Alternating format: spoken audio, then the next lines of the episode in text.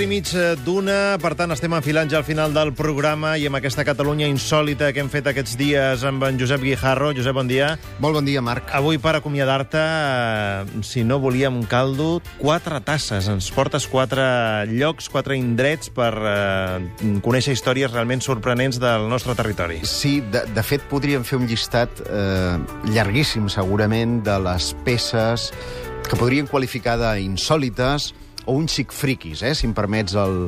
el... T'ho permeto, que ja saps que Sí. som molt fans d'aquest eh, terme que nosaltres volem normalitzar perquè ser friqui és fantàstic, no, no hi ha d'haver-hi cap connotació negativa, ni Fi- molt menys. Fins avui hem, hem estat visitant llocs segurament molts eh, coneguts, però que tenien una lectura o una segona lectura en clau històrica o intrèpida, i, i avui el que proposo és fer visites culturals. Visites culturals a museus. N'hem triat quatre, podríem triar molts altres, insisteixo, però quatre amb peces representatives. No t'ha passat mai que vols anar a un museu únicament a veure una peça en concret perquè fa il·lusió, perquè et crida l'atenció, perquè és una cosa doncs, realment curiosa? Doncs avui pretenem fer això mateix. I començarem el nostre recorregut anant a Terres de l'Ebre, concretament doncs, a, la, a la vila de Tortosa, una ciutat bimil·lenària que té un ric patrimoni eh, cultural, arquitectònic, també paisatgístic, no? I, i en concret perquè volem anar a veure una, una peça, una peça en particular, que va ser descoberta el 1743.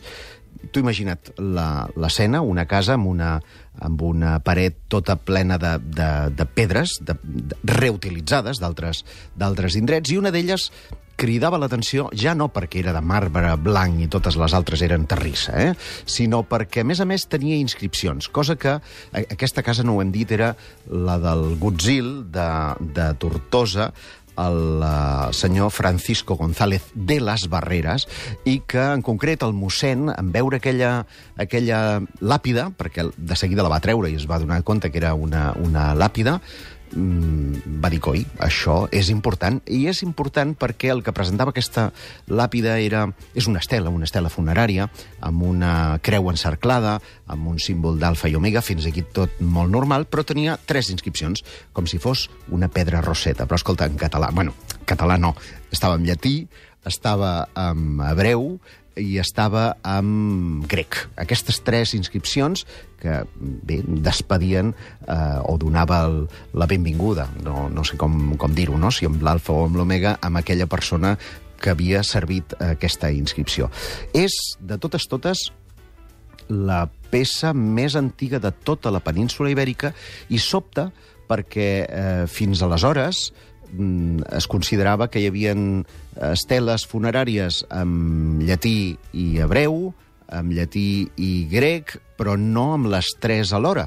I això ha permès als experts datar que la presència dels jueus a, a Tortosa es podria remuntar fins al segle VI eh, i, en conseqüència, doncs, ens dona una perspectiva molt més grossa del que, del que, és, eh, del que és la història i la vinculació d'aquestes tres cultures amb la ciutat de Tortosa. Una Tortosa que diguem-ne, guarda, custòdia aquesta eh, peça com a, com a or eh, blanc, mai millor dit, dintre del seu museu eh, de la Catedral de Tortosa, on, entre altres coses, podrem gaudir d'unes altres 200 peces, entre quadres, escultures i tapissos, i fins i tot alguns còdecs del segle eh, XII, així com eh, obres que també van desaparèixer durant la Guerra Civil eh, Espanyola i que han estat recuperades com objectes litúrgics relacionats amb el Papa Luna, ja saps, aquell papa heretge que també té a veure amb Catalunya i que mm, si, si alguna vegada tornem a fer la secció un altre estiu, doncs tindrem oportunitat de conèixer algunes vicissituds relacionades amb aquest eh, papa. Tot això ho podreu visitar al Museu de la Catedral de Tortosa, que és a la plaça d'Olivera sense número d'aquesta ciutat. Doncs la primera parada del recorregut d'avui de la Catalunya Insòlita a Tortosa, en aquest eh, Museu de la Catedral, per veure aquesta làpida trilingüe sorprenent i que du la inscripció en hebreu més antiga de la península ibèrica i d'aquí saltem al que potser és la capital d'una nova comarca de Catalunya, a Mollà. A Mollà, efectivament. Mm, Pàtria de Rafael de Casanovas, eh, president de la Generalitat, que, eh, com saps, doncs, va tenir un, un paper dintre del setge del 1714 i que eh, custodia una peça, aquesta sí, que és molt friqui, t'ho he de dir, perquè parlem d'un cromanyon amb un orifici, ara em mataran, de bala en el seu crani. I diràs, qui disparava bales Bala? a la prehistòria, no? Eh, bé, la polèmica ve de, de llarg, ve de molt lluny. En aquest museu es conserva tot el cos, eh? no només la, la calavera d'aquest home, que podríem també dir que és un Pau Gasol de la prehistòria, atès que eh, la seva alçada de dos metre, de, perdó, de, de metre 90 feia pensar, la mitjana de llavors estava metre 20, metre 30, per tant era un, un home ja voluminós, que va ser trobat a les coves del Toll, que estan en un curs fluvial molt, molt proper a la, a la ciutat de, de Mollà, el 1948, on varis espeòlegs, eh, duent a terme una expedició eh, subterrània, es van trobar amb una, amb una caverna, amb una sèrie de columnes, amb els ossos d'un os, d'un os de les cavernes, i mm, aquest home, aquest home que estava allà junt a algunes peces de ceràmica. Lo curiós és que presentava un orifici absolutament eh, circular i sense estries, sense eh, cap mena de, de cosa que fes pensar que era una trepanació, cosa que va inclús descartar el doctor Campillo del Museu Arqueològic de, de Barcelona, i que posava sobre la taula una, una polèmica, perquè en aquell temps, 1972, que és quan es dona a conèixer aquest esdeveniment, eh, es publiquen diverses fotografies, concretament d'un home trobat a Rhodèsia i que es conserva al Museu de Londres, i que té també una perforació similar, però en aquest cas eh, del si frontal surt per l'occipital, com si realment hi hagués hagut una trajectòria... I orifici de sortida. Fem aquí de CSIs, fem, eh, doncs, eh, el, el que presentava és justament un orifici d'entrada i de sortida. Aquest no, aquest només té un orifici d'entrada. Preguntant què podia ser, eh, una de les hipòtesis que es va plantejar és que una sinusitis eh, hagués pogut generar una infecció i que patés per algun lloc i va patar doncs, per, eh, per al si frontal, eh, ocasionant aquesta, aquesta, aquest orifici, no?, que sembla el d'una bala. El que passa és que també és veritat que molts estomacòlegs i molts odontòlegs diuen que si hagués estat una infecció d'aquestes característiques, lo normal és que hagués patat per la geniva o hagués patat per algun altre lloc i que aquest home hagués eh, mort d'unes febres altíssimes i no es correspondria amb el lloc que va ser trobat, que, insisteixo, no era una una troballa funerària, sí. l'home aquell no sabem ben bé com havia arribat fins allà, que a més a més, tot s'ha de dir, és quilòmetre i pico, eh, diguem-ne, terra endins, eh, de túnel. Eh, Per tant, els misteris eh, persisteixen i si algú vol anar a veure aquesta, aquesta peça arqueològica, que està allà en una vitrina exposada, la trobaran al eh, Museu de Mollà. I, de pas, poden anar a visitar també les Coves del Toll, que és una visita cultural molt interessant i que, a més a més, ens posarà o ens retrobarà amb, la, amb els primers catalans eh, que trepitjaven el nostre territori. Però, aleshores, si no hi ha cap eh, teoria creïble, de moment, de com es pot haver originat aquest orifici, si no era la sinusitis, si no era la trepanació, si no era cap altra acció doncs, d'un cop perquè hagués quedat una mica més esbarlat al crani, quina és la teoria que podríem tenir ara sobre la taula? No la hi ha, per això jo dic qui disparava bales, bales a la prehistòria. Peter Colosimo, Eric von Däniken i altres eh, eh, diguem autoritats del que s'ha donat a conèixer com a astroarqueologia, no? de relacionar l'arqueologia amb les visites extraterrestres, eh, el que suggereixen, amb una certa dosi d'imaginació, tot s'ha de dir, que eh, segurament en un passat molt remot la humanitat va ser visitada per entitats d'origen forani, no? Alienígenes, i que, bé, haurien fet alguna prova de tiro aquí a Catalunya. No?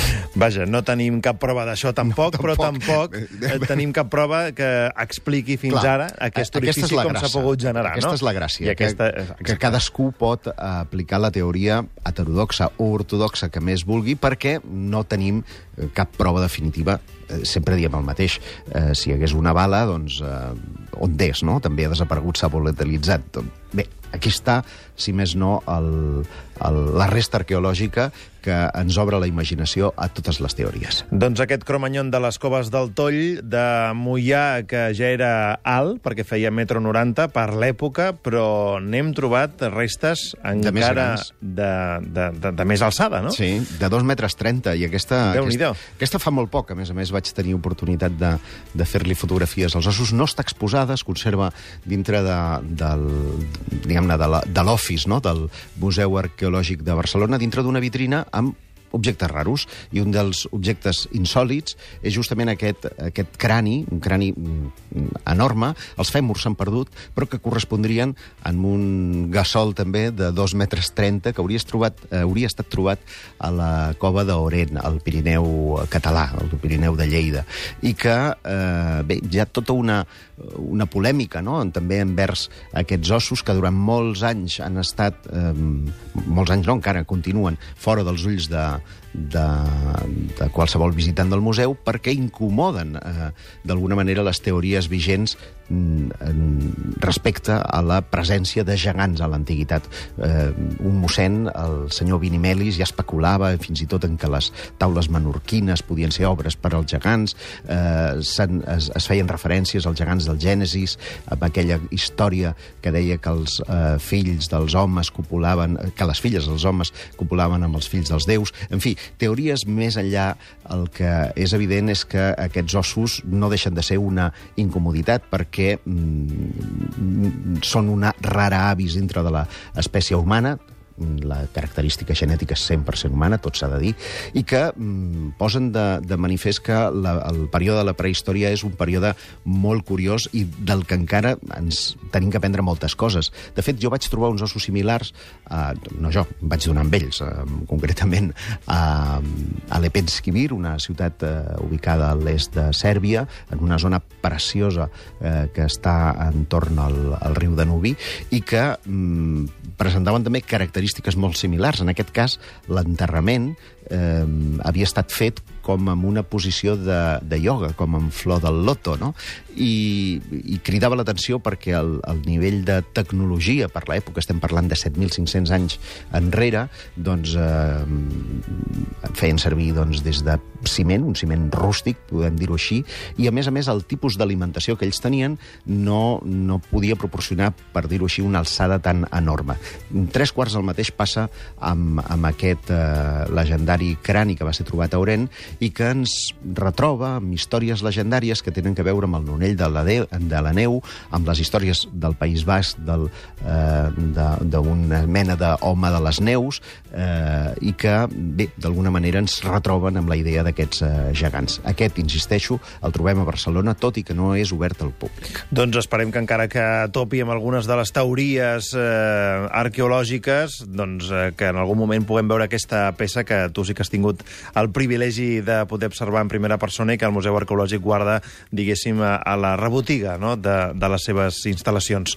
Una altra peça que també es conserva al Museu Arqueològic, i em sembla que tampoc està no. a la vista, és l'última parada que fem avui en aquest recorregut per la Catalunya Insòlita. Així és, aquest sí va estar exposat durant un temps, després es va guardar, no sé per quina misteriosa raó, és un préssec un préssec eh, molt particular, perquè és un préssec de marbre, que va ser descobert el 1972 mentre s'estaven fent unes eh, obres per part de la Direcció General de Patrimoni Artístic i Cultural al monestir de Sant Cugat.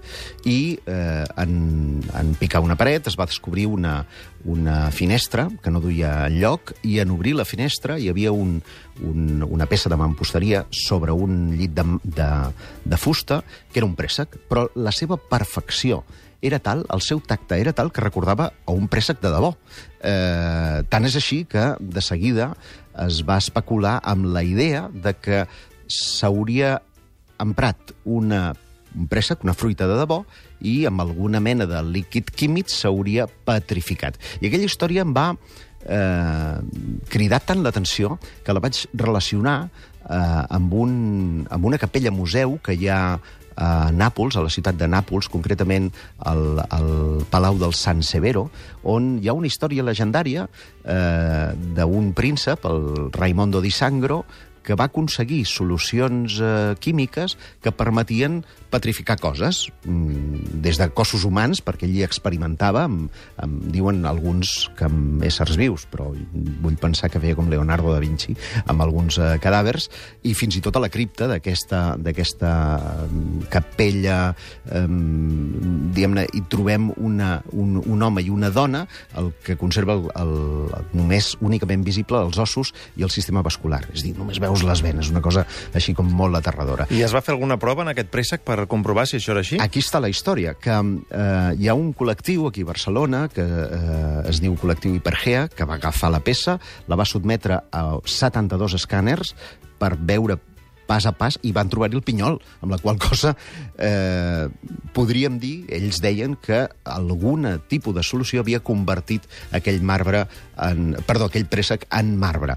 Bé, misteri per resoldre, ens haurem de quedar amb les ganes de que potser el museu torni a exposar el famós estigui préssec. a la caixa forta ja és sospitós, ja és també. sospitós, eh? aquí conspiracions al marge.